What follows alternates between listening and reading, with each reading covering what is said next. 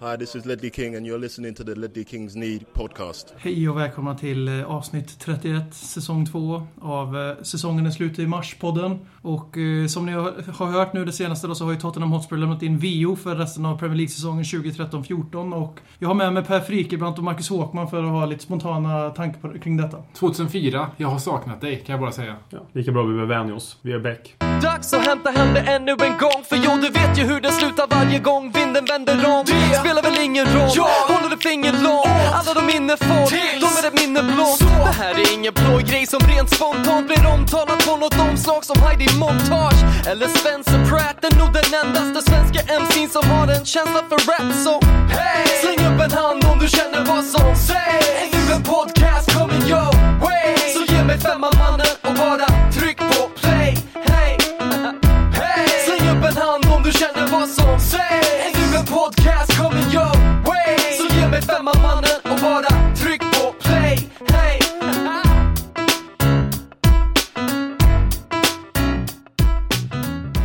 ju vad som bara kan säga var en mycket tung vecka för Tottenham eh, femteplats Spurs. Så mötte vi Benfica och blev upprullade efter noter där vi förlorade med 3 hemma. Vänder vi där? Eh, nej, det gör vi inte. Eh, du sa i alla fall i, i senaste avsnittet att Benfica borta blir inte en så tuff match. Så att vi, vi kan ha ett ganska dåligt resultat och inte behöva prioritera hemmamatchen mot, mot Benfica och således ta hand om skiten på deras hemmaplan istället.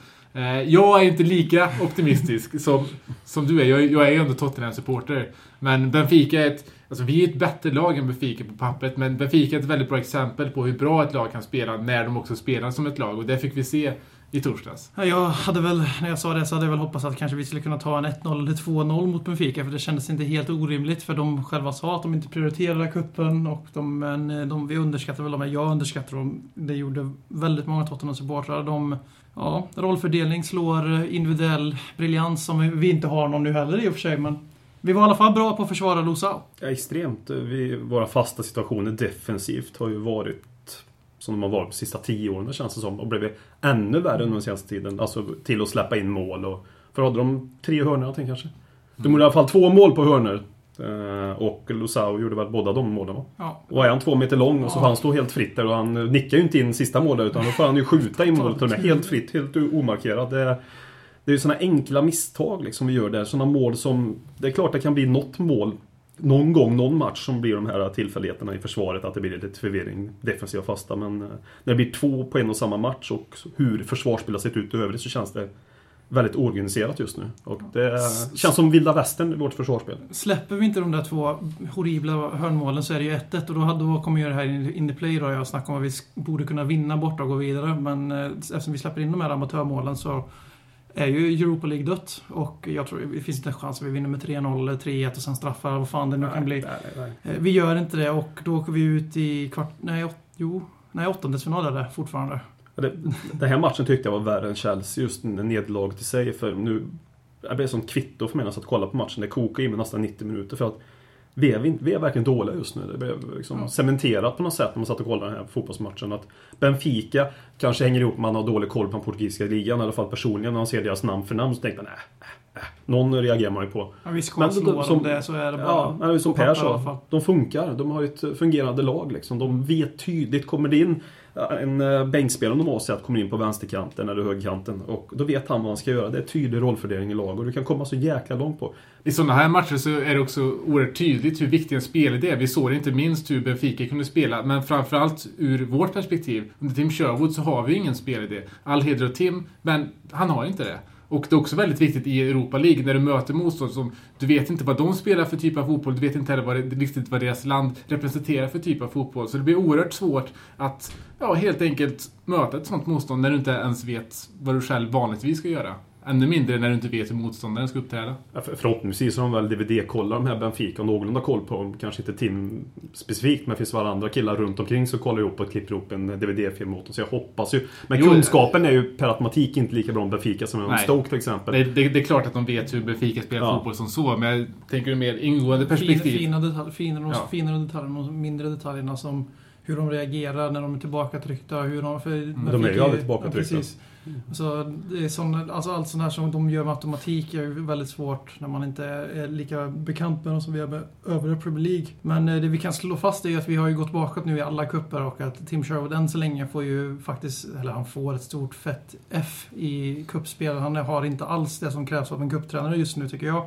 Och hans facit talar väl för sig själv där. Det, det, det är, vi har gått bakåt alla kupper och eh, det ser ut att gå åt, barka åt samma håll i ligan. Så vi kan väl gå över till eh, North London Derby med de orden där. Och så kan Per få inleda med att prata om första halvlek. Eh, bättre än väntat, sämre än nödvändigt. Jag tycker att överlag, över hela matchen, så är vi ju såklart det bättre laget. Men Arsenal behöver inte vara bättre än oss för att slå oss. Det är inget lag i ligan just nu som behöver vara bättre än oss för att slå oss. Vi har ingen spelidé alls. Vi har, det, det är någonting, alltså de har ju bryt, ryggraden är knäckt. Alltså det, det här laget, det, det, nej. Jag tycker vi gör en bra match faktiskt mot Arsenal. Vi visar fin karaktär. Bra, bra pressspel centralt på banan tyckte jag också. Vi vann många bollar där. Eh, sen går vi bort oss defensivt. Det är det som har varit de senaste månadens eh, stora debacle tycker jag. Förutom att vi kanske gör lite för lite mål också. Men framförallt att vi fallerar defensivt. Fort de kom i anfall, specifikt i första halvleken, Arsenal på sina omställningar, så blev det ju farligt. De kunde ha gjort några mer mål på omställningarna. Halvlek, ja, Sen var ju Rosickis mål, det var ju liksom ett, eh, ett freakmål. Snyggt men ett freakmål. Ja, det, det, det där målet gör det inte om. Nej, Men när det gäller omställningsspel så vi har testat hundra olika backlinjekomponeringar. Vi har testat att köra med en sittande mittfältare, två sittande mittfältare, nästan tre sittande mittfältare. sittande vi, vi, mittfältare. vi har testat med sexbackslinje, vi har testat vad fan som helst. Vi, vi klarar inte av att försvara oss mot omställningar. Det går inte vad vi har försökt med. Inte Och då-. Nej, och då är, då, är, då är det ju... Det är kommunikationen där det, det är brister. boll, jag. bollinnehavaren på mitten då i, var några väldigt tydliga exempel mot Arsenal som till, och- de till och med lyckades lyfta i Viasat-studion. Då vet ni att det är illa. Det, Om Bosse Pettersson Ja. ser felet, då finns Då- det felet. Bosse Pettersson tog över showen också för övrigt. via satt-studion efter matchen. Men det är en annan sak. Ja. För att eh, vi har obefintlig press på bollhavaren på mitten som då får alltid i jävla världen att slå en boll. Och när vi då ska hålla på envisa med den höga backlinjen som vi har nu har gjort sedan AVB och så fortsatt med då i vissa matcher under Sherwood också, så nu sist då. Att när vi inte har någon press på bollhavaren då så behöver de inte vara särskilt bra på fotboll för att lyckas att lura offsidefällan eftersom som sagt det är ingen som stressar dem. Och vi fick ju nästan betala för det ett par gånger i första halvlek och sen i andra halvlek var vi bättre på allt.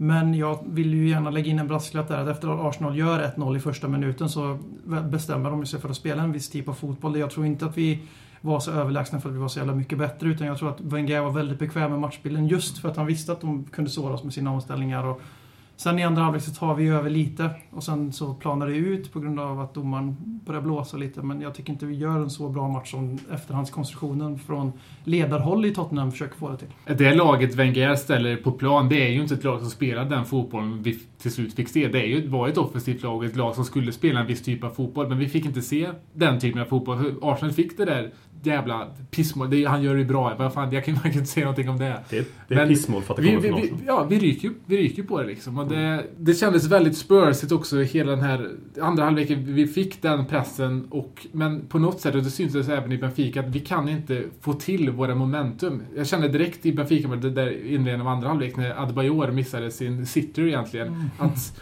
det kommer, inte, det kommer inte gå. Vi kan inte få det här momentumet som vi alltid kämpar. Vi får kämpa Men vi lyckas, vi lyckas aldrig nagla fast motståndet. Det tror jag, jag tror det är det du försöker säga. Vi börjar ju hota med Nato glänser lite i andra halvlek där. Sheffield Madini vispar framåt på bollar. Chadli vinner bollar och Chadli ska göra mål när Kersny turar, två gånger i rad försöker ge oss ett mål. Men eh, han missar. Han försöker placera den lågt när det står två backar på mållinjen och det kan man väl diskutera. Annars gör han en bra match, belgaren. Det är liksom där och då det, vi måste göra mål för att kunna utnyttja det momentet och verkligen nagla fast Arsenal och liksom trumma i nästa växel. Men efter det vi missar de chanserna så blir det lite lojt det stannar av lite. Sen får Adebayor ett nickläge där han... Jag hävdar att han ska träffa mål och då är det mål, men han missar. Och liksom, sen så kommer vi kommer liksom aldrig in i den här sista eh, kniven på strupen på motståndare. Vi, vi kör aldrig över ett lag på det sättet alls den här säsongen överhuvudtaget. Alltså, Förutom Stoke hemma. Ja precis, det var en väldigt fin match. Eh, Men alltså vi har ju, tycker jag, andra halvlek. Jag tycker, vi, jag tycker, som ledarna har sagt, jag tycker vi gör en bra match nu faktiskt mot Arsenal. Jag håller inte med BM riktigt där, att det är liksom efterhandskonstruktion som det känns som. Men jag tycker vi gör en bra match sett till vilka vi möter också. Vi möter ändå Arsenal som har gjort en väldigt fin säsong trots att de också har väldigt många borta nu. Det får man också lägga in beräkning. Men, Hela offensiva mittfältet. ja men vi har också folk borta. Vi är ett lag i spillror som kommer ut i den här matchen. Det får man också lägga in i beräkningen. Ändå går ut och kan rycka upp det så pass. Vi har varit väldigt dåliga och spelarna har varit väldigt, visat dåliga karaktärer. Men jag tycker inte de gör det här matchen. Nej. tycker utifrån det ska de förtjäna beröm. Och största anledningen som jag ser till att vi inte kan lyckas få in en, få, alltså en ytterligare press sista 20. Det delvis för att han gör byten där Wenger som är defensiva och sen för att domaren helt plötsligt får för sig att sänka nivån till eh, en obegriplig nivå. Att han blåser var 30 sekund helt plötsligt och förstör sista 20. Mm. Ja, det, är, det är domarens ansvar att se till så att det finns ett bra flyt i matchen mm. och det, det klarar ni inte alls av. Och vi får, vi får inte heller möjligheten att forcera i slutskedet av matchen för att ja, det är nästan en halvtimme där i slutet som, blåses bort bara. En, en grej som jag tycker talar väldigt mycket för Håkmans tes om att det fanns definitivt eh, eh, bevis på karaktär i den här matchen är just pressspelet. För pressspelet är någonting som i mångt och mycket, mycket bygger på inställningsfaktorn hos spelare. Och Tottenham har visat ett antal gånger den här säsongen att när vi väl har ett fungerande pressspel, det är då också vi är som allra bäst. Ja, men vi har ju haft, det är vad vi har försökt skapa nu sen portugisen tog över, det var ju att vi skulle ha ligga högt i press, vinna boll högt, stå högt med backlinjen och så liksom och pressa motståndarna hela tiden. Och det är som sagt, när vi växlar in i det, då, är, då ser vi ju bra ut Det har varit sällsynt den här säsongen. Men eh, det jag menade med att det var en efterhandskonstruktion var att de lägger sån jävla vikt på att vi inte förtjänar att förlora. Men grejen är att vi förlorar med 1-0 och jag, jag hävdar fortfarande att Arsenal väldigt tydligt efter 1-0 målet bestämmer sig för att spela kontringsfotboll och därmed lämnar över taktpinnen, vilket många lag gör mot Tottenham för att de vet att vi hotar inte på riktigt. Utan som Mourinho sa ju det också, att vi kan, man kan låta Tottenham rulla runt och runt och runt, mm. runt, runt, för det kommer inte hända ett jävla skit. Och vi blir nollade än en gång igen, så liksom det är klart att vi gjorde, en, vi gjorde en väldigt bra match moraliskt sett för att vi stod på oss i hela matchen för en jävla gångs skull. Men jag tycker fortfarande inte att man, vi ska ha högre krav än så här. Vi har inte förlorat här på sju matcher mot Arsenal de senaste. Och vi torskar igen mot de tre raka torsk den här säsongen. Vi gör inte mål och som sagt, jag tycker så många, många målchanser skapar vi ju inte om man tar bort Kerstnys helt, helt fantastiska grodor som är... Jag vet inte, så jävla bra var vi inte. Vi visar bra moral och bra kämparanda och det kanske är vad vi behöver visa just nu men spelmässigt tycker jag inte vi är så jävla bra. Nej, Nej men vi har ju ingen tydlig spelidé som funkar och utifrån de förutsättningarna tycker jag ändå gör en bra match. Och målchanser, det är ju några riktiga hundraprocentiga målchanser ja. vi har. Som definitivt, som du sa tidigare, Chadli ska definitivt göra mål på andra läget där då han skjuter lågt istället för att kanske chippa lite grann där.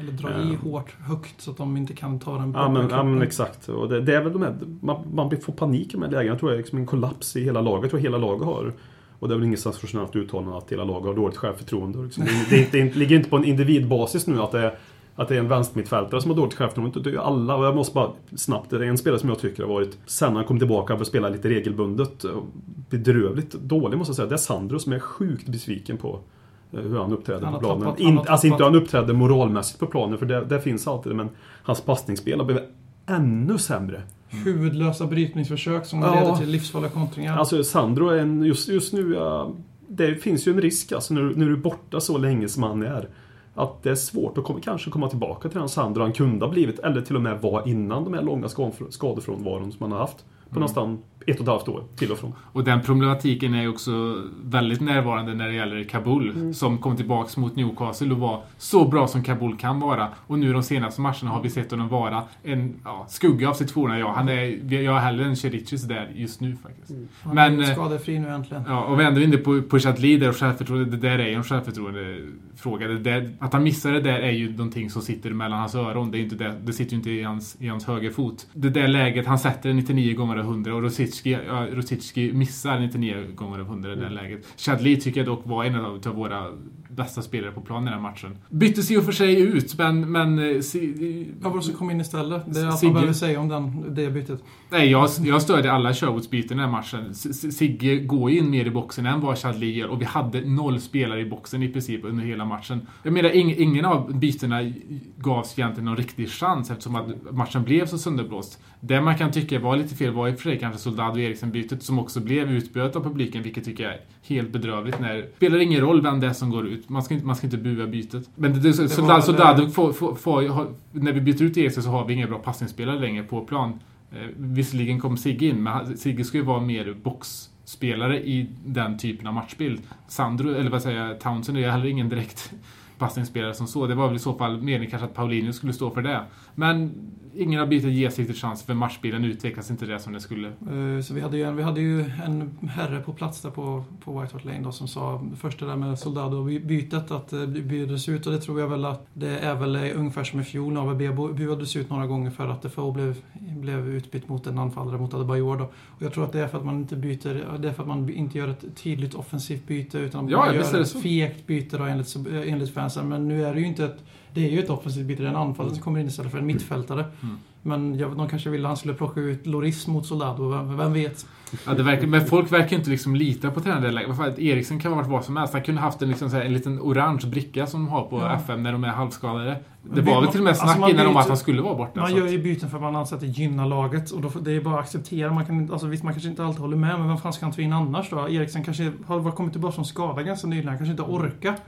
Han mattades ju av tydligt liksom, så det... Jag tyckte inte Eriksen hade en av sina bättre Nej. matcher heller. Han var inte dålig på något sätt, men han hade inte den... När Eriksen är som bäst så är han ju tydligt vår största mittfältskreatör. Mm. Men han nådde inte riktigt det i sig idag tyckte jag. Eller idag, men jag menar i söndags. Så andra reflektioner från Dronsville där som var ju att Adebayor har vunnit tillbaka fansen helt och hållet. Ja, Det var ju lite kul med tanke på hur han behandlades ända fram till första matchen under Tim Sherwood av fansen. Stand, stand your ground, säger jag. Vi måste ju lyfta fram, vi kanske inte har gjort det tillräckligt, med Nåten som har gått och blivit en av ligans bästa högerbackar. Och som i allra högsta grad är landslagsaktuell, med all rätt. Han petar ju landslags, eh, f- landslagsförankrade Kyle Walker. Ja, peta inom citationstecken. Nej, men han gör, han gör han gör en kanske sin bästa match Ja, i alltså, Alltså, Sheffields Maldini var riktigt bra. En av våra, en av våra bästa spelare. Det är ju en spelare vi ofta sitter och ironiser- ironiserar över och skrattar åt. Men nu var han ju, som ju alla säger här, så riktigt bra faktiskt.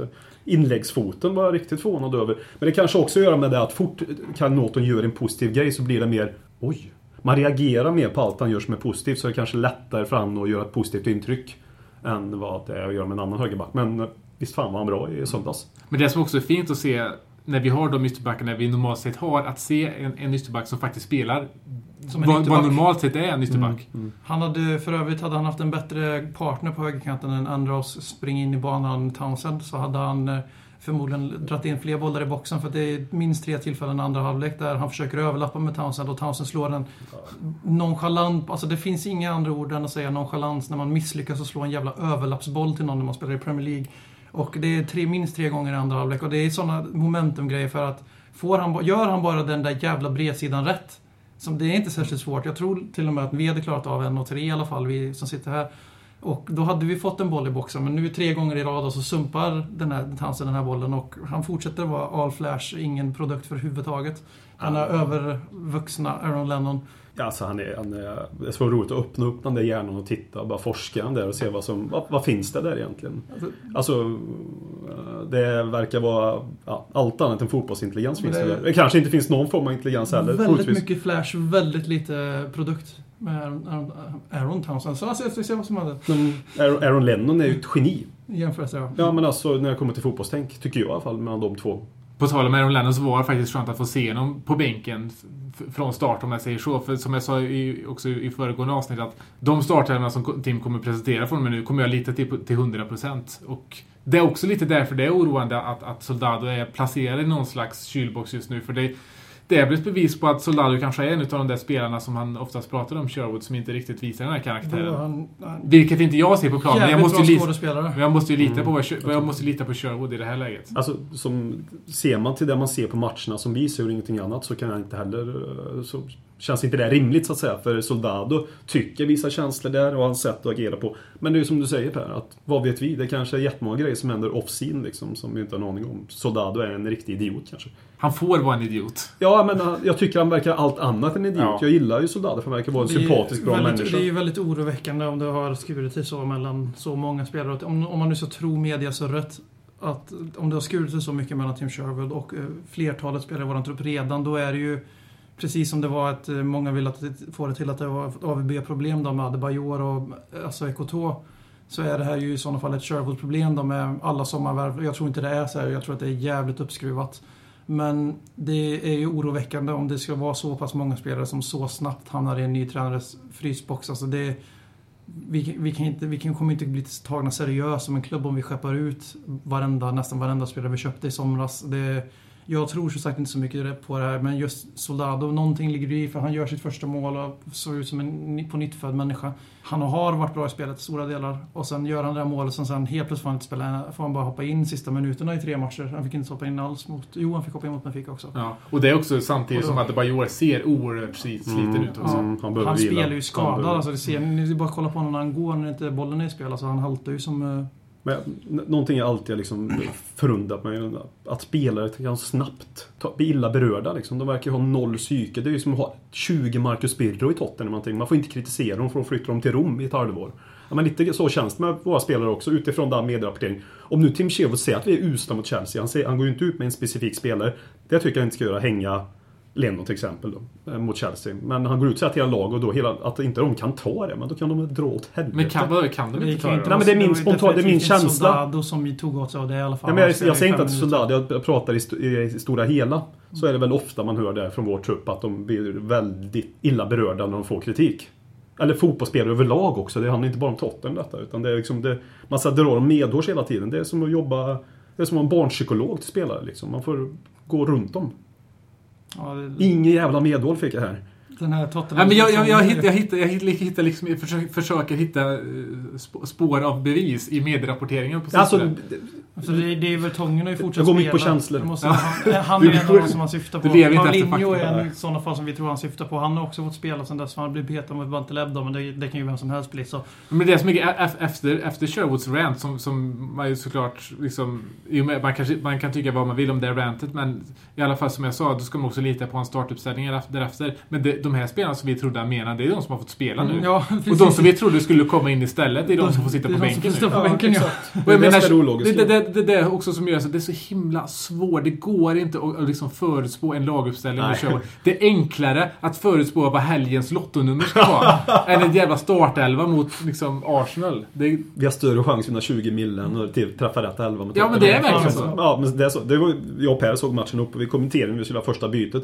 Så att vi undrade vem tar in nu? Vi sa det, vi har ingen aning, det kan bytas ut vem som helst. Och det menar vi verkligen då också så gott som att vi hade tidigare att han kanske tar ut Chadli. Nej, vi vet inte. Han kan lika gärna ta ut uh, ja, Kyle Norton och sätta in uh, Lennon som högerback någonting. Alltså, man vet ju inte. Men vi fick ju också se, han fick ju även vara inblandad i två omtalade situationer även den här veckan. Vår kära manager, när han först då, när han tar av sig sin, sin väldigt uppskattade väst och drar åt helvete efter en situation efter 15 minuter. Och vi kan väl bara spontana reaktioner på, den, på hans reaktion. Det var det bästa som har hänt hela den här Premier League-säsongen. Han var ju så arg så det var, Ja, det var- var roligt att se. Alltså jag var lycklig. Jag satt och bara väntade på, hoppas jag, alltså jag mår bra bara jag tänker på att jag vill hitta ett klipp på YouTube jag tänker, och titta om tio gånger om när jag kommer hem. Ja men det var ju någonting Tänk om vi hade gjort mål. Så att först satt vi och spekulerade, jag och Per, nästan väl släppa in två om och se vad han gör. Man klipper till tre, fyra spelare. Tänk om vi gjort mål då. Hade ju Dicanios firande mot Newcastle bara varit... Vad var det? Det var inget speciellt. Han hade ju gått bananas, Sherwood. Helt underbart. Och det var ju också, jag får säga, det där rantet som han gjorde då, det var ju också mot Vertongen. Som gör eh, ett litet misstag i den höga backlinjen som Sherwood själv hade beordrat om. Ja, jo. Så att liksom, Jo. vem är det han skriker på egentligen? Ja men alltså visst, det, jag säger inte att han kanske Nej, exakt rätt men det var ju som en reaktion när, när han liksom Ja, satte ja, sig på bänken igen Ja. där. Och han fick ju knappt luft han satt på bänken. Ja, men det- var ju bekräftelsen på att, det var ju bekräftelsen på att efter Chelsea så var han ju inte ledsen utan han var ju så arg så att han nästan grät. För han var, såg ju likadan ut i ansiktet efter det. Jo, Och sen en till omtalad situation är ju då i slutet av är vi matchen. klara med den situationen? Jag kan gotta ner mig kvart i den här. Vi måste gå vidare. Det är när han kastar bollen på Bakary Sanja, inte en utan två gånger Ja. i slutet på matchen där. Jag vill bara först säga att det är ju orutinerat, men sen, alltså det går inte, det går inte annat än att älska det, för de maskar ju så tydligt. Men jag, jag fattar inte grejen. Han, kan, han, vadå? Han kastar bollen till honom? Vad är, vad är kastar grejen? inkastet snabbt och det blir en jättesnackis för att Sagna låtsas att han inte ser bollen och sen så kastar han den på honom en Han gång ju, till. han kastar ju hårdare än han skulle behöva Ja. kasta.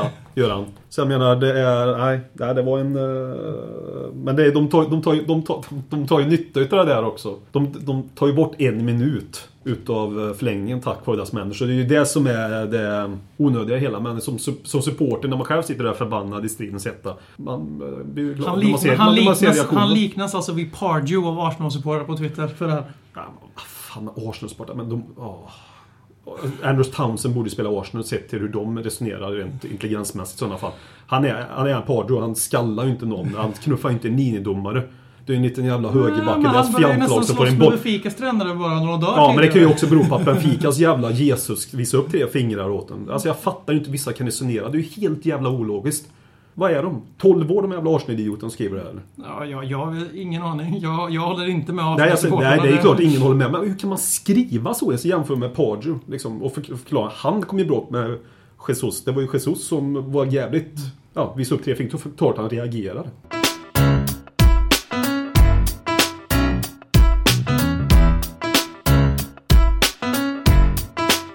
Ja, i och med de senaste, senaste månaden, alltså mars månad då, som vi alla visste skulle bli en tuff månad och den har ju inte gått våran väg, om man ska uttrycka sig politiskt. Och vi sitter här i skrivande stund, sju poäng efter City med tre matcher mer spelade. Två poäng före Everton på sjätte plats med två matcher mer spelade. Och vi räknar väl ut snabbt att vi ligger 13 poäng efter Liverpool och Arsenal. Om vi räknar med att de vinner sina hängmatcher och deras målskillnad då, egentligen är det 12 om de vinner sina hängmatcher. Så vi i den här podden st- sträcker ut, ha- sträcker ut hakan jävligt modigt och säger att Champions League är tvärkört nästa säsong och eh, vi leder in samtalet på om vi vill gå till Europa League. Vill vi ha just femteplatsen vill jag att vi satsar på i sådana fall. Femteplatsen där ska vi tanka och missa Europaspel för överhuvudtaget. Vad, vad tycker ni? Jag vet inte om det är så mycket att, att, att diskutera om. Ska man då lägga sig i varenda match för att man inte vill gå ut i Europa? Alltså är man inte i Europa så är man ingenting, som en Tack! vis man en gång Tack! sa. Och det visst, alltså... Så Det, kommer byxan ett Per sa sådär. ja, du kommer alltid i byxan i. Men det... det nej, det, det var det. Jag menar inte så. Jag menar inte så. Men... eh, Ja, ja. Visst, visst, visst är det så att Europa League, så som det är strukturerat just nu, så det är en nackdel att vara med i Europa League, sett till ligaspelet. Och det har vi ju sett, inte, in- inte minst i år, för det, det är svårare att spela torsdag, söndag än vad det är att spela något annat, eller inte spela överhuvudtaget. Men vi ska vara med i Europa och den här jävla Europa League. Vi ska vinna den där det, jävla blivit, det, har blivit ett spö, det har blivit ett spöke. Vi ska fan vinna den där skiten. Jag, jag skiter i hur mycket det påverkar oss i ligaspelet. Ja, Och, och speciellt nästa år när du vinnaren, inte för att det är så mycket som talar för att vi skulle vinna ett eventuellt Europa League, får ju gå ändå till Champions League. Ja, och och det är de- ändå den- dit alltså- alla kollar i vår klubb. Det är dit. höj- men statusen en- höjs ju faktiskt direkt Exakt. då. På, lite, det, det är ju på så på riktigt. För då, då kommer, helt övertygad om, då kommer den vara mer 100%. prioriterad. Även om den är svår att vinna så är det ändå en väg till Champions League till. Inte bara ligan utan en väg till. Alltså, då kan man ju verkligen ja. lägga ner en Premier League-säsong i mars och fokusera på ett annat sätt då. Så Europa League för mig är så att jag tycker att Tottenham är ju en klubb som ska spela i Europa hela tiden. Det- sitter i vårt DNA. Vi är en cupklubb och vi har Bill Nicholson som modernt arvsfader. Och då är ju lite grejen så att sitta och snacka i termer om att vi ska med flit missa Europa för att vi tror att det gynnar oss i ligan. När, eh, efter för det första så vet vi inte om det kommer bli så eller inte, för vi har inte varit utanför Europa på en stund nu. Och eh, vi ska fortsätta. Vi, det tog eh, en stund för Tottenham att hitta tillbaka till att gå till Europa varje år. Och så vi då kasta bort det och sluta kanske åtta i Premier League den här säsongen. Alltså, jag, hur på riktigt tror ni att vi kan hålla kvar de bästa spelarna då? Locka de bästa spelarna när vi kommer åtta i Premier League, åker ut i åttondelsfinal i Europa League och bommar totalt i FA och ligacupen. Alltså det finns inte en chans att vi kommer, vi kommer... Alla de här årens arbete vi har gjort för att växa en storlek kommer att förringas direkt. Så är det. Alltså, för det, alltså, det kommer ju vara ännu ett vapen för våra spelare som anses vara för stora för Tottenham att de spelar här som en tjänst. De kommer ju få ännu mer ammun- ammunition i förhandlingarna och säga nej men vi blir åtta, alltså vi går bakåt som klubb. Jag vill gå till en Champions League-klubb. Nej, femma eller inget. Vem fan vill köpa de här spelarna efter den här säsongen? Ja, det- det, finns ju det- inte en en annan- det är- jävla... det är en annan Tro diskussion. mig, ingen kommer vilja Jan Fertongen. Det finns ingen klubb i hela jävla Europa som vill ha honom efter den här säsongen. Sen så med den, Inte bättre än Tottenham Nej, fall. det är det jag menar. med den konkurrensen som också finns nu i Premier League, så Europa League är ju den nya Champions League egentligen. För vi har egentligen sju lag som, som liksom konkurrerar om, om fyra Champions League-platser och egentligen också fem Europa League-platser, eller Europaplatser. I år är det ju sex platser då, eftersom sexan får, får Europa League i, i år. Men det, det, det börjar ju på att bli prestige i Europa League också om man ser det så sett. Så. Det blir ju en kul turnering varje gång slutspelet börjar. Även Ja, om, om man skiter det. Det som verkligen skadar Europa Leagues anseende är ju att de låter förlorarna i Champions League trilla in i turneringen. Och det är ju Och att det låter som Tromsö del. Ja. Jo, men eh, tyvärr så är det ju så att jag tar tillbaka det. att treorna, att treorna kommer tillbaks, eller kommer ner i Europa League. Det förstör väldigt mycket av turneringsryktet. Men jag kommer ihåg i, vår, det var rätt kul matcher. Och även nu så började turneringen få lite fart i åttondelsfinalerna. Men eh, då bestämde ju Tottenham sig för att det var dags att lämna in, slänga in hand, hand, handduken för den här säsongen. Men vi ska vara där, vi ska spela där, vi ska vinna någonting. Vad fan, vi har inte vunnit en tid sedan 2008 och vi sitter här och tror att vi är för fina för någonting. Det stör mig så fruktansvärt att se Tottenham-supportrar sitta och anklaga alla andra jävla lags i hela världen supportrar för att vara plast och bortskämda och bla bla bla bla bla. Men vi, ska, vi är minsann för fina för att spela Europa League. Alltså kom igen nu, vakna för fan. Vilken klubb har du gett på de senaste åren? Vi är bättre än alla andra supportrar också. Ja, vi är lite fina och lite det bättre, så vi har rätt absolut- att gnälla på Det är dem. som ni var inne på, överklass eh, Tottenham som anser sig lite fina, finare i kampen än alla andra. Men sen, sen är det också så att, att vi, har, alltså, vi supportrar, om, om man nu går ändå kommer in på supporterperspektivet, så vi supportrar har, Tottenham-supportrar har en väldigt skev bild av klubben. För det är, det är ju så, Så, att ja. vi har en av de största följarskarorna i Premier League. Med det sagt så, så också höjer det förväntningarna på klubben, även fast vi sportligt inte kan nå upp dit. Så därför blir det som när vi Eftersom vi har så många supportrar och som har så stor vilja, så när vi missar fjärdeplatsen så är det som ett slags Alltså det är som, vi förlorar alltid. Det spelar ingen roll vad vi gör, vi förlorar alltid. För vi har den här stora eh, supporterskaran. Men då får man säga, som en vis man en gång sa, even failure itself will have an echo of glory. Och eh, vad fan, vi har sjunde största lönebudgeten i, i, i, i Premier League. Liverpool tar sig skulder över huvudet för att faktiskt kunna kvalificera till, till, till eh, Champions League. Och de gör det i en säsong där alla spelare överpresterar. Ja, de fick behålla Suarez. United eh, havererar. Vi lyckas inte växa för vi gjorde för mycket. Vi gjorde för, vi gjorde göra för mycket på för kort tid. Sålde våran nyckel också. Och eh, jag menar Liverpool, ja, de kommer inte komma topp fyra nästa säsong om inte de värvar, fortsätter att behålla alla sina stjärnor nu och värvar igen. För då har de ju två tvåfrontskrig då som vi har haft de senaste åren. De har ju det de lyckats med att de behöll, de behöll Rodgers när det gick åt helvete. De trodde på hans spel, det såg bättre ut när man gjorde under AVB så det, vi ska inte ens ha den diskussionen. Men de, det de absolut framförallt gjorde var att de behöll sin superstjärna och byggde på honom. Medan vi bestämde att vi sålde honom. Jag vet att vi fick 85 miljoner pund på bordet. Jag tycker väl fortfarande att, vi, att man kan inte behålla en spelare om man får det budet. Det går inte om man ska ha någon som helst ekonomi. Men, men det är det som är skillnaden och tyvärr för oss så utnyttjar vi inte när United kraschar. Men eh, förhoppningsvis kanske de fortsätter krascha nästa år. Ja, det är nog mycket möjligt. Det tror jag. Nej, så jag är fruktansvärt imponerad av Liverpool och Brendan Ja, Rodgers. absolut. Det, Han, är, han, han har ju bara, bara snabbt... eh, Han har ju gjort spelare som Jordan Henderson, Sterling och de här. Han har, han liksom har fått vad alla spelare nästan har blivit bättre. ja, Och de lyckas spela i olika formationer. De kör med en anfallare ibland, de kör med två. De, alltså han byter också formationer. Han är inte helt fastlåst i ett sätt att spela fotboll. Premier Leagues bästa tränare ja, för mig är Brendan Rodgers, det kan bli en ny... eh, alltså, på den, inte, kanske inte vinna lika många titlar, men det kan bli en Ferguson-era. Ja, Möjligtvis. får han- Ifall, ifall han får fortsätta där. Jag är väldigt imponerad av honom. Att han, får, att han får en spelare som Sterling att bli en av Premier Leagues bästa spelare, det, det är väldigt svårt, svårt att förstå hur han gör det. Rodgers, han hade ju fått sparken efter Han- sex månader i Tottenham. Han Liksom. Så hade ju rykt i december den Ja. första säsongen som Ja. det gick åt helvete för Liverpool. Och, eh, men sen är det ju liksom, som du var inne på lite, vi har väldigt skev världsbild nu just nu, Tottenham Supporter. Framförallt så ser vi oss själva lite större än vad vi kanske är.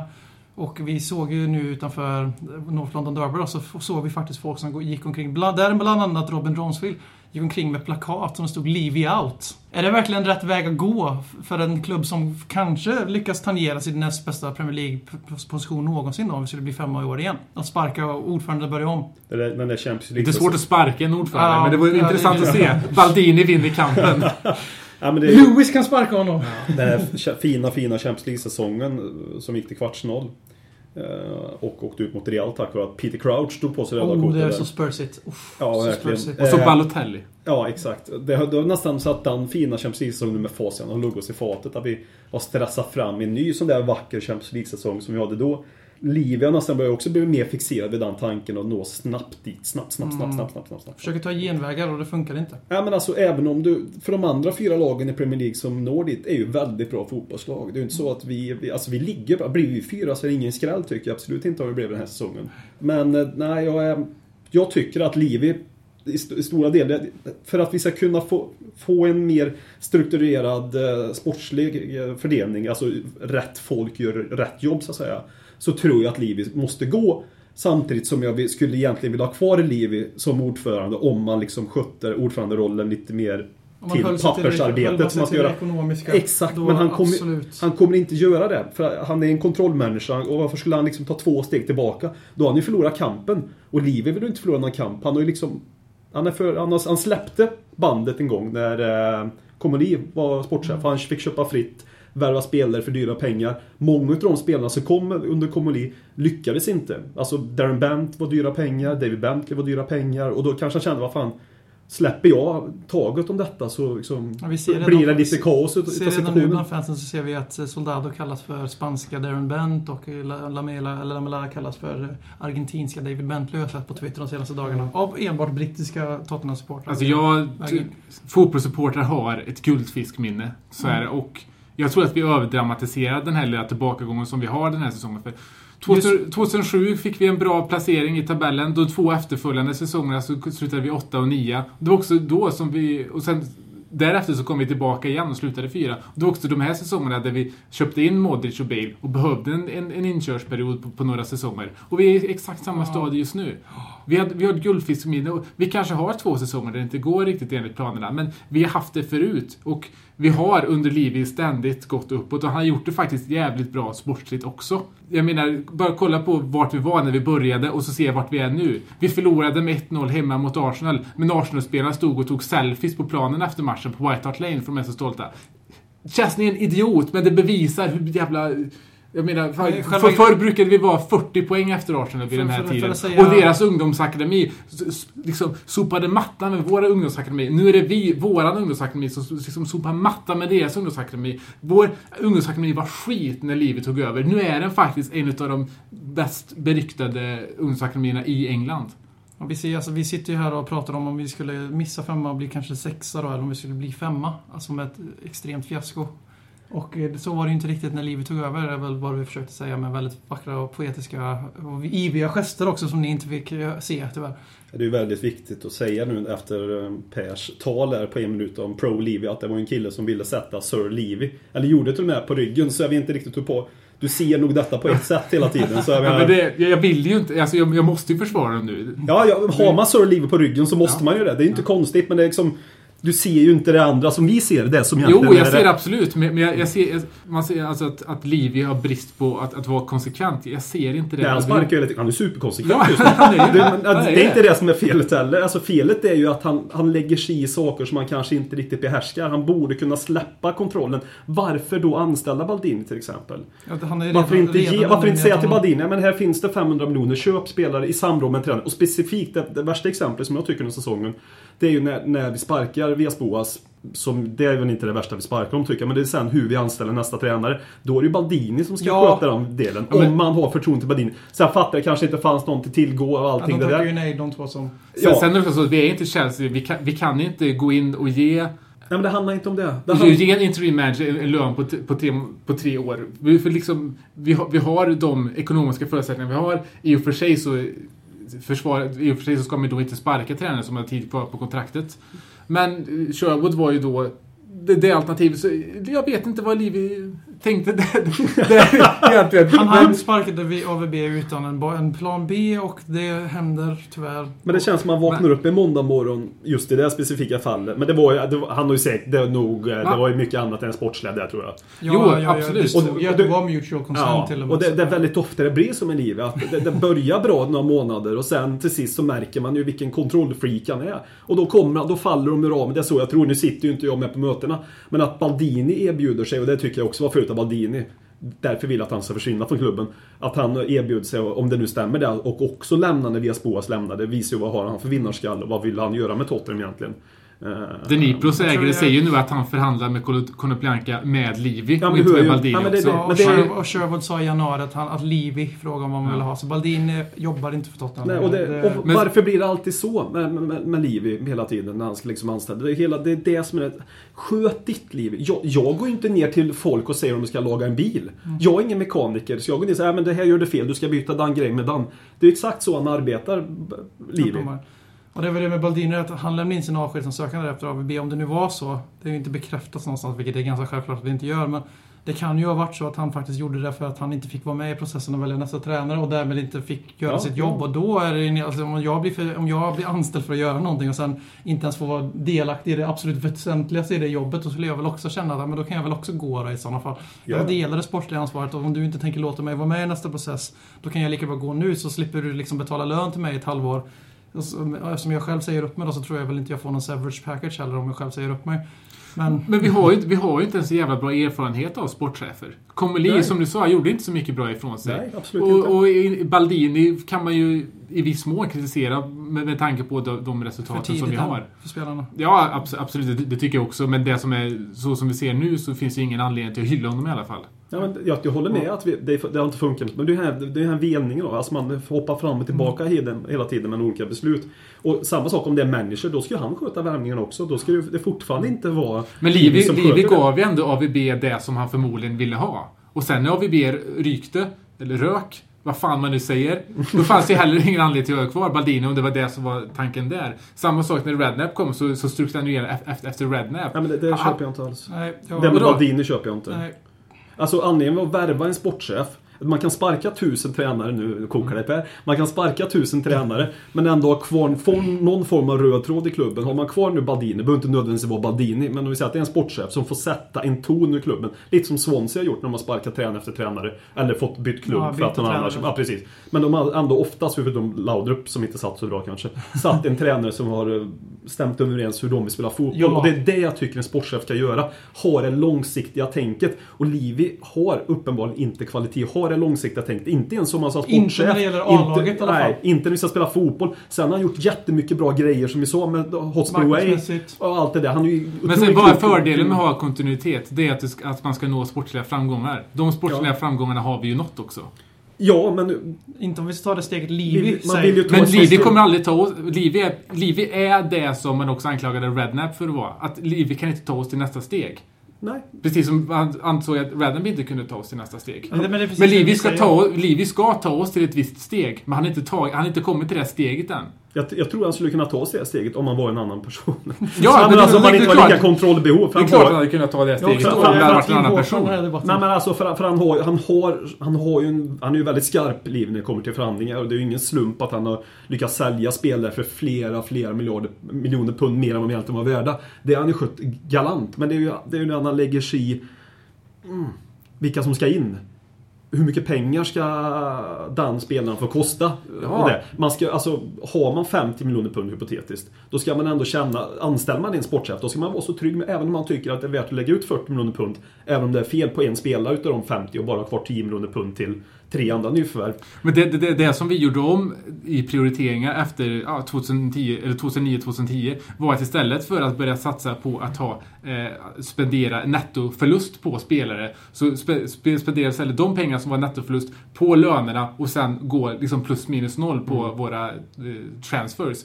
Och där har där en väldigt stark bidrag och faktor till att vi kan göra så är ju faktiskt Livis Vi förhandlingstekniker. överpresterar ju Ja, fortfarande ekonomiskt. Det har du ju helt rätt i. Ja, Vi och- ligger och löneligan och Ja. vi spenderar gröna siffror nästan de senaste åren. Så vi överpresterar ju fruktansvärt ekonomiskt om man tänker Stoke spenderar mer pengar, alltså de lägger Netto. ut mer Ja, pengar ja, än vad men på. Det, det, Men sen också, det är när inte det vi Livi- Livi för heller. När, utan jag Liv, tror- när Livio och Inix tog över så gjorde de det med löftet att komma in och bygga en ny arena.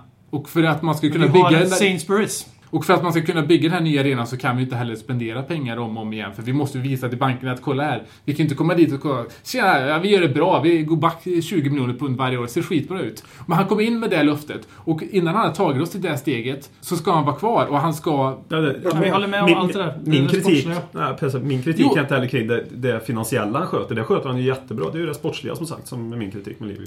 Ja, men det, sport, det sportsliga, det, alltså, men han- kan man verkligen kritisera det sportsliga då? Ja, Egentligen. att, ja, tycker jag. Alltså, Både, han- ungdomsakademin och vårt A-lag går ju framåt. Och det är han som sparkar sina... Det är han som sparkar alla tränare vi har för att de inte Men det där är också en Champions League. överdramatisering. Ja, men det- Rednap fick fyra år, innan det var det Ramos. Ingen kan ju klandra honom för att, för att Ramos fick sparken. Innan det, Santini gick ju själv. Joll. Alltså, AVB. det är samma sak med Rednap, Joel. Red, Rednap tyckte jag personligen inte var något konstigt just där. Nej, Det var, det var läge att ta en ny också. växel. Men det är det, det, det velning att han, att han... Velning, värmländska kanske. Att han lägger sig in för mycket i det sportsliga helt enkelt. Han, han, när man anställer en sportchef som ska ha hand om en viss del utav Tottenham Hotspur. Men ändå är han trots det med och fiskar i de där förhandlingsborden. Det är då det blir fel. Han, han är för mycket kontroll. Men att, att fiska och vara den som sitter vid liksom, den ekonomiska förhandlingen se- ser jag absolut Ja, inga alltså- problem om, om, om vi ändå får ut det vi behöver ha det. För där, och, där, behö, där måste vi ha det så. För, till exempel att han sköter till exempel det Konoplyanka-dealen är inte så konstigt för du kan ju inte skicka iväg en italienare vid namn Franco med en stor kasse Nej, nej, pengar rätt till en östeuropeisk Nej, men klubb. nej. det kommer ju bara sluta med två korruptionsdomar och inget annat. Då kanske går jättebra. Ja, och i och för sig, vad var det vi gillade med förra årets transferfönster? Och det var just Stoja Bukarest och presidenten där som satt inne och, och Livi. Killen fick alltså ett telefonsamtal. Han, han valde att ringa upp Linus och säga dealen är död. Ja, för, så, så är det, det Håkon försöker säga är väl snarare att om vi nu ska ha den här, den här eh, vi har nu, att vi ska komma topp fyra, vi ska gå till Champions League regelbundet. Då ska vi också tillåta de sportsliga, alltså managern och framförallt sportchefen att sköta den här grejen. Den grejen. Livi sköter allt det andra som liksom så arbetsfördelningen borde vara. Men det är ett tema vi har i klubben att vi har ingen tydlig arbetsfördelning, varken på plan eller vid sidan av den. Han Men- äter sig in Ja, i och, det eh, sportsliga. Till sist sitter han där och tar ut laget också. Men eh, skulle vi Ja, däremot... men om det funkar så vad fan är Om vi bara ska problematisera lite. Om vi då skulle ändra vår tuppföring och istället börja eh, föra oss som den topp 6-klubb vi har etablerat oss som. Då skulle det helt plötsligt väldigt... Då skulle det sportsliga helt plötsligt se Nej. jävligt annorlunda ut. Det är inte det sportsliga. Jag, jag, jag tycker inte det är dåligt att prestera en femte plats i Premier League, eller en fjärde plats eller en sjätte plats i Premier League. Det är inte det, det är sättet han beter sig mot, mot sina anställda. Att han, Okej, att han ja, äter sig okej, in ja, i det sportsliga. Han borde veta bättre och ha sin roll klar som ordförande. Han, är inte, han, känns som en dålig chef utifrån det lilla jag... Väldigt, då- då- då- väldigt, då- lilla jag har insyn. Noll alltså tror jag insyn på. Det är jag. till. Alltså det är inte... Förstår du vad jag menar? Ja, men då förstår jag. Missförstår jag. Men jag, jag, jag står en fot i båda lägena. Jag är väldigt nöjd med allting Livi gör, förutom just det här att Ja, är kräva. Champions League och sen inte ge sina anställda de bästa förutsättningarna att göra det utan att stoppa i fingrarna i kakburken. Men jag har ingen... Alltså klubben utanför plan är absolut ingenting att klaga på vad han gör. Men sen så är det ju lite så att om du sparkar tränare, eh, de här 18 månader är väl snittet de överlever under Livi. Och om du sen ska anställa, alltså det är inte bara det liksom, han gick från Rednap till AVB och sen till Sherwood som är väldigt, väldigt, väldigt, väldigt mycket mer lik eh, Harry Redknapp än AVB. Och sen vem, vem blir nästa tränare? Och det lutar åt att det blir någon som lutar åt AVBs håll. Och då finns det ju ingen röd tråd och det har vi varit inne tidigare den här säsongen. Och har man då ingen röd tråd som blir vi, då förstår jag liksom inte riktigt varför vi ska bara tysta, vara tysta och vara nöjda med att men vi håller oss ju kvar på den plattform vi har kommit upp till nu. Och visst, hade det varit ut för det klubben gick ut för och sa att de skulle vara, en topp 6-klubb med Champions League då och då, vilket är verkligheten, då hade det varit en helt annan diskussion. Då hade inte ens vi suttit här och varit helt upprörda över vi låg femma. Men nu har vi inte den framföringen i klubben och då ska Livi dömas efter den måttstocken också. Per Frykebrant eh, funderar här. Jag, jag, jag, jag, jag, jag förlorar mig lite i det där resonemanget. Du håller med oss helt enkelt? Nej. Cliff Notes. Ingen röd tråd i sina anställningar. Har en framföring och krav på Champions League hela tiden. Och sen är det han som står i vägen för att vi kommer dit. Men då på och snackar om röd tråd. Alltså han har ju, det finns ju en röd tråd. Det finns kontinuitet i allt han gör förutom just den där sportchefsrollen. Som, inte, alltså, som faktiskt fungerar när vi inte har en sportchef också. Det ska vi ju komma ihåg. Ja, vi lägger ner den här diskussionen nu och går vidare till, eftersom vi är inne på ämnet kontinuitet och Tottenham Hotspur, så tänkte vi att våran tränare som vi har haft sedan i slutet av december är ju redan på väg ut om man ska tro främst, främst sociala medier och även media har ju faktiskt vänt sig emot sin lilla gunstling då. Tim Sherwood. Vad säger ni? Sherwood out. Vad, vad tycker vi om här, den här rörelsen? Ja, det, eftersom han ändå inte kommer vara kvar eh, längre säsongen så känns det ju helt onödigt att sparka honom ändå när nio matcher kvar. Men vi vill vara fulla. Vi vill ha två, vi vill ha två sparkningar på en säsong. Det är ju riktigt värdigt en stor klubb. Ja, då, Eller? Då har vi höjt insatsen och börjat Ja, sparka två gånger per år. Blir, jag, jag blir väldigt irriterad på de som säger Leave out. Men jag blir nästan ännu mer irriterad på de som säger Sherwood out. För Sher- folk sitter och klagar på att han inte har det taktiska kunnandet. Jag har absolut klagat på det. Men sitter Sherwood out. Han är ju inte ens en tränare. Han, hade han, velat vara en tränare framförallt, då hade han haft sin jävla licens. Och då hade han också haft en annan position i klubben. Han gick in och tog den här rollen när Tottenham inte har råd att göra som Chelsea, att ta in en interim manager som inte är såklart är Rafa Benites nivå, men någonstans där ändå där man måste ge honom en lön som ändå är värd tre år istället för bara sex månader. Det finns ingen annan tränare som skulle gå med på de premisserna som fanns just då. Sherwood gjorde det, och Sherwood gjorde det bra efter vad han nu kan, eftersom han inte kan så mycket i just den här... Eh, äh, Alltså som första jobb för mig, alltså hans resultat är ju godkända om man tänker att hans första jobb någonsin. Det är ju inte hans fel att han kastas in i en topp 6-klubb i Premier League som har, en mentalt, har, mentala problem den här säsongen. Det är liksom, det är inte hans fel. Sen att han har en hel del brister och att han kanske på grund av att vi har sociala medier så blir de här jävla dreven i AVB vs Sherwood och AVB out, Rednab out, allt vad fan det nu vem som ens jobbar med Tottenham out. Då blir det drev och då blir det ytterligheter och då blir det alltså läger som bestämmer sig. Bara för att de anser att, jag, jag själv inlägger och tycker att vi skiljer vägen med AVB för tidigt så är det väldigt många av den väldigt många av den basiljonen som tycker att Sherwood, allting han gör skrutiniseras väldigt, väldigt hårt. Och då räcker det med att man torskar tre matcher i rad för att han ska ut också. Att man då inte har någon som helst verklighetsförankring, det är en annan diskussion. Och eh, jag tycker att det är åt helvete för tidigt och jag tycker vi- vi ska aldrig börja med out om inte vi hamnar i en Ramos-situation igen. Då kan vi börja skrika manager out. För nu är det bara löjligt, vi skämmer ut oss själva. Men det är ju också det, blev, det är lätt att säga och spekulera att Tottenham ska sparka tränare som någonting vi har gjort väldigt enkelt nu för tiden. Då blir det ju en sån situation med media. De, de, till exempel Moyes spekulerar ju inte alls lika mycket i att han ska få sparken. de Det, det, det är klart de nämner men eh, United nu börjar det United. komma mer Just och mer. alltså, just idag Ja, men det, jag säger det. Men det gör ju det lite grann. Men alltså- men, Snittet i alla fall, en Tottenham-tränare under livet klarar sig i 18 månader. Det är snittet. Och har, man, har man då en sportchef så är det ju ingen fara. och, och Liv gillar ju siffror.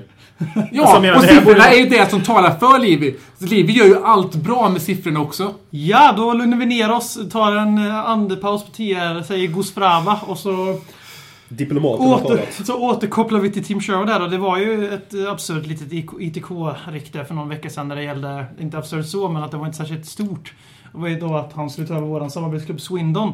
Och jag kan väl personligen se stort värde i att låta Tim Sherwood ta över en klubb i de där divisionerna. Arbeta sig uppåt, få sin licens, få en vana. För jag tycker man ser ett råmaterial till en ganska bra tränare i honom. För han har ändå gjort det som sagt helt okej.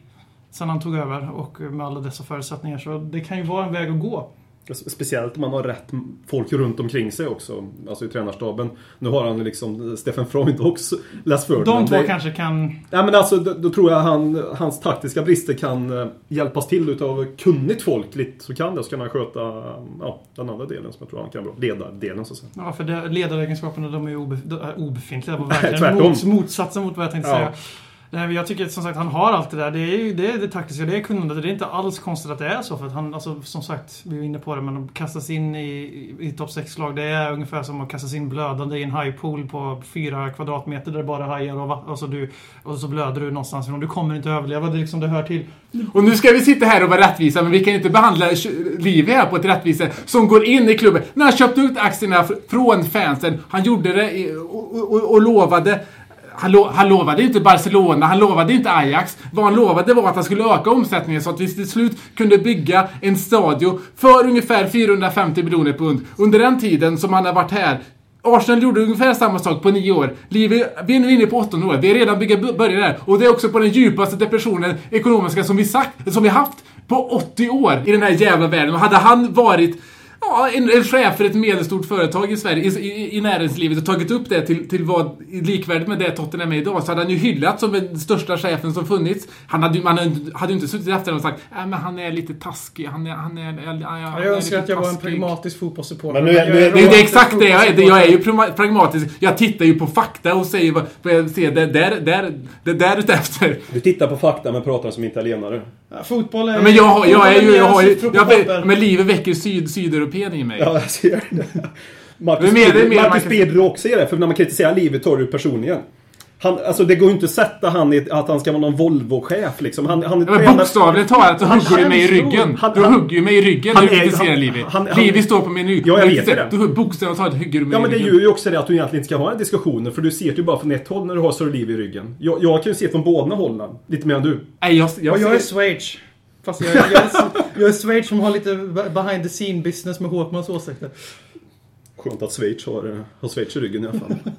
Ja, det, har- det har ju gått, gått så bra i historien att ha Schweiz i ryggen. Det har vi sett historiskt. Inte minst för 80 år sedan. Det gick väldigt bra för alla som, som fick, fick stöd av Schweiz. Nej men som sagt, jag önskar jag kunde vara lika Och Italien, där- där gick det eh, bra. Det finns en, en romantisk aspekt Vi vann andra världskriget. Det Ja. finns en romantisk aspekt av fotbollen som jag tycker att Danny Levy inte representerar särskilt bra. Det är allt jag har att säga. i alla Oj, fall. oj. Ja, han, han är, för- det är för mycket Ja. företag. Ja, ska vi pussa lite också kanske?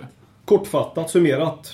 Du har mycket att jobba på med Livi där. innan Robin har mycket att jobba på med liv, som står där utanför jävla White Hart Lane med sina jävla Liv out-plakat. Robin out, säger jag! Talkman show, Talkman show, Talkman, Talkman, Talkman show.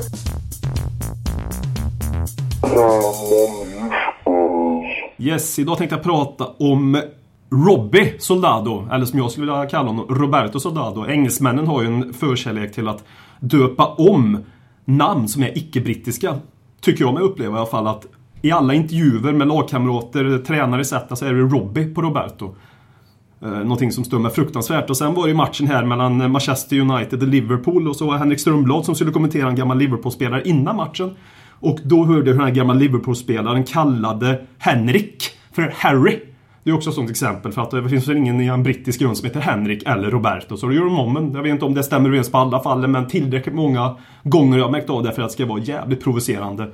Och mer finns väl inte att säga egentligen i den här Håkman Show. Tack så mycket! Talkman show. Talkman show. Talkman, Talkman, Talkman show.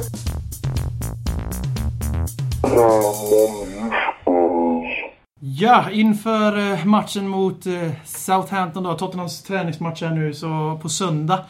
Så hade jag och Marcus Håkman tänkt att fylla tomrummet efter Per Frykebrant. Att eh, genom att ha lite eh, hålligång på Pitchers här i Karlstad, Stora torget. Där vi hoppas att alla värmländska och även från alla andra orter givetvis också, av våra lyssnare kommer dit. Så kan vi försöka göra det till ett spörsnäste här i Karlstad. Vi har fått det här tipset på Facebook av våran lyssnare Oskar Askling och vi tänkte att det är dags att ta tag i detta nu när vi inte har så jävla mycket sportligt att se fram emot. Förutom att då får vi ta, ta, tyvärr, ta tillvara på umgänget istället och eh, Gör som så att gå in på Ledley Kings knä på, Ledley Kings knä på Facebook och eh, svara på evenemanget vi kommer lägga ut där. Så vi vet ungefär... Evenemang heter det, inte arrangemang. Evenemanget så får vi se ungefär hur många som dyker upp så vi kan ringa till Pitchers och se till att alla får plats. Ja, för det blir ingen podd nästa vecka förmodligen va? Nej, för våran superstjärna Per Frykebrant missade ett avsnitt för första gången och då lägger vi ner direkt. Så är det. Han ska till andra sidan pölen och se på käppakrig. Ja, Jag tycker att det vore roligt om, det, även om jag inte kommer vara med, så vore det i alla fall roligt om, om folk kunde samlas lite i alla fall. Och jag har ju sett många matcher tillsammans med Håkman och jag vet att det, det, han kan ju inte riktigt sitta själv och titta på de här matcherna. Och det vore bra om ni kunde ersätta mig nu när jag åker över till andra sidan Atlanten.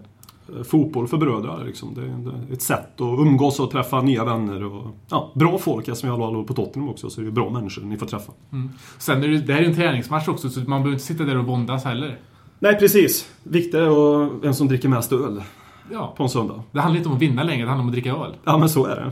Det finns ju egentligen inte så mycket mer att säga när det gäller in- införsnack. Benfica är ju vad det är och Southampton är som vi sa en träningsmatch. Vi hoppar direkt in på lyssnarfrågorna istället. Vi har som vanligt fått väldigt många. Och, och ehm, vi går... ehm, gick han nu? Ja, det såg så ut. Han... Så fort, så fort vi tog upp lyssnarfrågor nu Ja. så gick ben. Alltså det hela den här framgången, det, var gått åt huvudet på honom. Gått Och det hörde vi inte minst förut när han ville vara Schweiz. Jag menar, vem, vem vill vara Schweiz? Men vi går i alla fall in direkt på frågorna och som vanligt har ni bidragit med inte bara väldigt många frågor utan också väldigt många bra frågor faktiskt. Och vi ska i alla fall försöka göra det bästa vi kan för att förvalta de frågorna på det bästa sättet vi kan. Absolut, och med de här- alla de här frågorna så borde vi ha en, eh, en, enbart en podd med lyssnarfrågor vid tillfälle. Ja, vi borde faktiskt göra det. Vi, vi lägger det i pipelinen just nu att innan säsongen är slut så ska vi göra ett program med bara lyssnarfrågor. Tycker jag. Tycker. jag. Vi börjar med Marcus Häkkinen som har ställt en fråga direkt ställd till dig Håkman. Så stor har du blivit nu. Mm, att ja. du får frågor snarare än att podcasten får frågor. Ja, en av tio eller en av tjugo. Men ja, det är jättesnällt. Han eh, frågar dig eh, vilka spelare du skulle vilja värva in för att få ordning på de här Instagram-spelarna som vi har i laget. Som du har pratat om. Ja, alltså, jag har inte riktigt tänkt på namn eftersom mina tankar kring Tottenham har varit på andra byten som tränarbyten som vi kommer att ha lite annat. Men alltså, man måste backa bandet historiskt och det är väl svårt men det må vara en gris men att få in lite Roy Keane, Paul Scholes som här. Paul Scholes kanske inte var så mycket en gris men de här extremvinnarna. Sen kanske man, sen kanske man rätt tränare kanske man kan skapa vinnare på det sättet utifrån den trupp vi har nu också.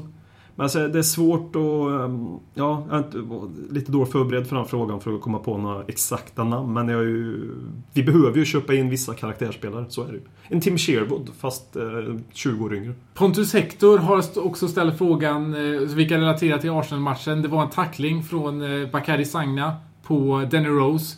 Resulterade i ett gult kort. Han vill liksom höra våra åsikter om den och tyckte att domarna är så olika i sina bedömningar. Eh, jag tycker att den tacklingen... Jag, vet, folk, jag förstår faktiskt inte folk som tycker att det är ett rött kort, för det, där, det, det är ett gult kort för satsningen. Absolut, det köper jag. Men det är inte orange och det är inte rött, för det är inga dobbar uppe, det är på boll. Jag har inget problem med det domslutet som föll. Nej, håller helt och hållet med. Det, Henrik Hagberg frågar oss också på Facebook. Han frågar, har Spurs någon vänförening? Eller förekommer det i Premier League? Vi kan ju säga som så att, eh, jag vet inte hur mycket vänner vi är med de här, men vi har ju så kallade vänföreningar. Den ena är ju Real Madrid. Och där kan man definitivt fråga sig, hur mycket vänner är vi med Real Madrid? Det ena är International. Där kan man också fråga sig hur mycket vänner är vi med International? Visst, vi fick Sandro, men det har ju varit andra saker där som har spelat in som, där man kanske inte riktigt kan se oss som de finaste vännerna. Komplicerat. Förhållande. Ja. Eh, Sen finns det ju supportrar alltså, som jag liksom vänföreningar med, som Ajax och Precis, det finns ju, finns ju sådana Cracovia i relationer. Polen. Swindon är ju sån som vi lånar ut mycket Mm. spelare till Swindon också. Där kan man också se sådana slags relation. Sen har vi San Jose Earthquake som också är vänförening med. Mm. South China. Eh, Mm. Och det har vi väldigt mycket nytta av. Eh, Sen har vi Supersport United som är sydafrikansk eh, fotbollslag också. Mm, det. Så det, det är de, de, de fem klubbarna där vi har liksom en strukturerad eh, relation i alla fall. Sen vill ju du och jag ha en med Crystal Palace också. Och Livorno. Livorno, ja absolut. San Pauli. Christian Fredin har också skrivit till oss. Vad är meningen med att hålla på Spurs? Marcus Åkman. Den djupaste fråga och mest diffusa frågan. Ja, Jag vet inte, vad är meningen? Det är ju, det är ju sånt man ställer sig i motgångar. Vad fan meningen med att hålla på Spurs? Det är, det är livet, både glädje och sorg. Och utan glädje och sorg i ett liv så är ju inte livet värt någonting. Man måste ju vara beredd att uppleva de här äh, tunga dagarna, tunga veckorna och tunga åren för att få verkligen ut maximalt av äh, de lyckliga ögonblicken när de väl träffar igenom, äh, som en fjärdeplats eller en cuptrumf eller vad det nu kan vara, en seger hemma mot Inter med 3 För det finns ju även de som, jag håller ju mycket hellre på, på Spurs eller liknande dagen och till exempel att jag hade hejat på Barcelona där en ligatitel blir som en seger mot Everton hemma till sist. Och en som i alla fall hade det relativt tufft som Tottenham-kille var ju AVB som nu har skrivit på för Zenit Sankt Petersburg. Eh, Otto Holmberg har frågat oss på Twitter att, ja, helt enkelt hur vi tror att det går för honom i Zenit. Och jag känner mig så att Lika mycket som vi kände att Berbato passade perfekt för Monaco känner vi att AVB passar perfekt för Zenit. Och nu Mm. får han också återförenas med sin kära Hulk som han har försökt värva till vart han än har varit. Äntligen. Ja, men jag tror också att det kommer gå bra för den där. Men uh, hypotetiskt om det inte ska gå bra för den då, ja, är det sista chansen? Det, kanske, Troligen. kanske inte. Kanske, kanske finns lite i Italien. Där Han har, ju, han har ju, som min uppfattning, han har ju ganska många liv ändå. Vi har fått väldigt tre fina klubbar nu Mm. på, på rad. Mm. Och Och, ändå- Italien har ju hur många chanser som helst också ifall han skulle misslyckas. Ja, där kan man ju bli återanställd utav samma klubb Ja. tre, fyra gånger också på säsong. Så. Återanställda blir inte vi nästa vecka, men i alla fall näst, nästa vecka. Vi, det kommer som sagt var inte ut någon podcast, men träffa oss gärna ändå. Eller, eller oss, ska jag säga. Håkman och BM i alla fall. alla. På söndag. Och, och titta in i Saints träningsmatchen mot Southampton. Vi såg ju den matchen, liknande eh, Mm, förra säsongen på plats gjorde faktiskt. det. Eh, hur mycket minns du? Ja, från matchen minns jag väl inte jätte... Jag var ju på Bricklays innan då. då det har ju, får ju sina, sätter ju sina spår så att säga. Det gjorde det. Ja. Ja. Men det var det ett bra minne ändå. Gareth Bales mål i 89, det minns jag. Ja, fantastiskt fint mål. Jag var bakis när det målet kom. Så blir det när man börjar dricka vid 10.00 på eh, lördag. Ska det vara så ska det vara. Ja, så är det. Och dricka, det kanske ni också gör på söndag. Svara på det där evenemanget på Facebook så ser vi hur många vi blir så, så rättar vi oss efter det i alla fall. Eh, Hörs igen gör vi om två veckor. Ha det fint. Hej. Tja. Dags att hämta hem det ännu en gång. För jo, du vet ju hur det slutar varje gång vinden vänder om. Det spelar väl ingen roll, jag håller du finger långt. Alla de minne får, de är ett minne blått Det här är ingen blå grej som rent spontant blir omtalad på något omslag som Heidi Montage. Eller Spencer Pratt. Är nog den endaste svenska MC'n som har en känsla för rap. Så hey! Släng upp en hand om du känner vad som sägs. Är nu en podcast kommer your way. Så ge mig femman mannen och bara känner vad som sägs. Ännu en podcast coming your way. Så ge mig femman mannen.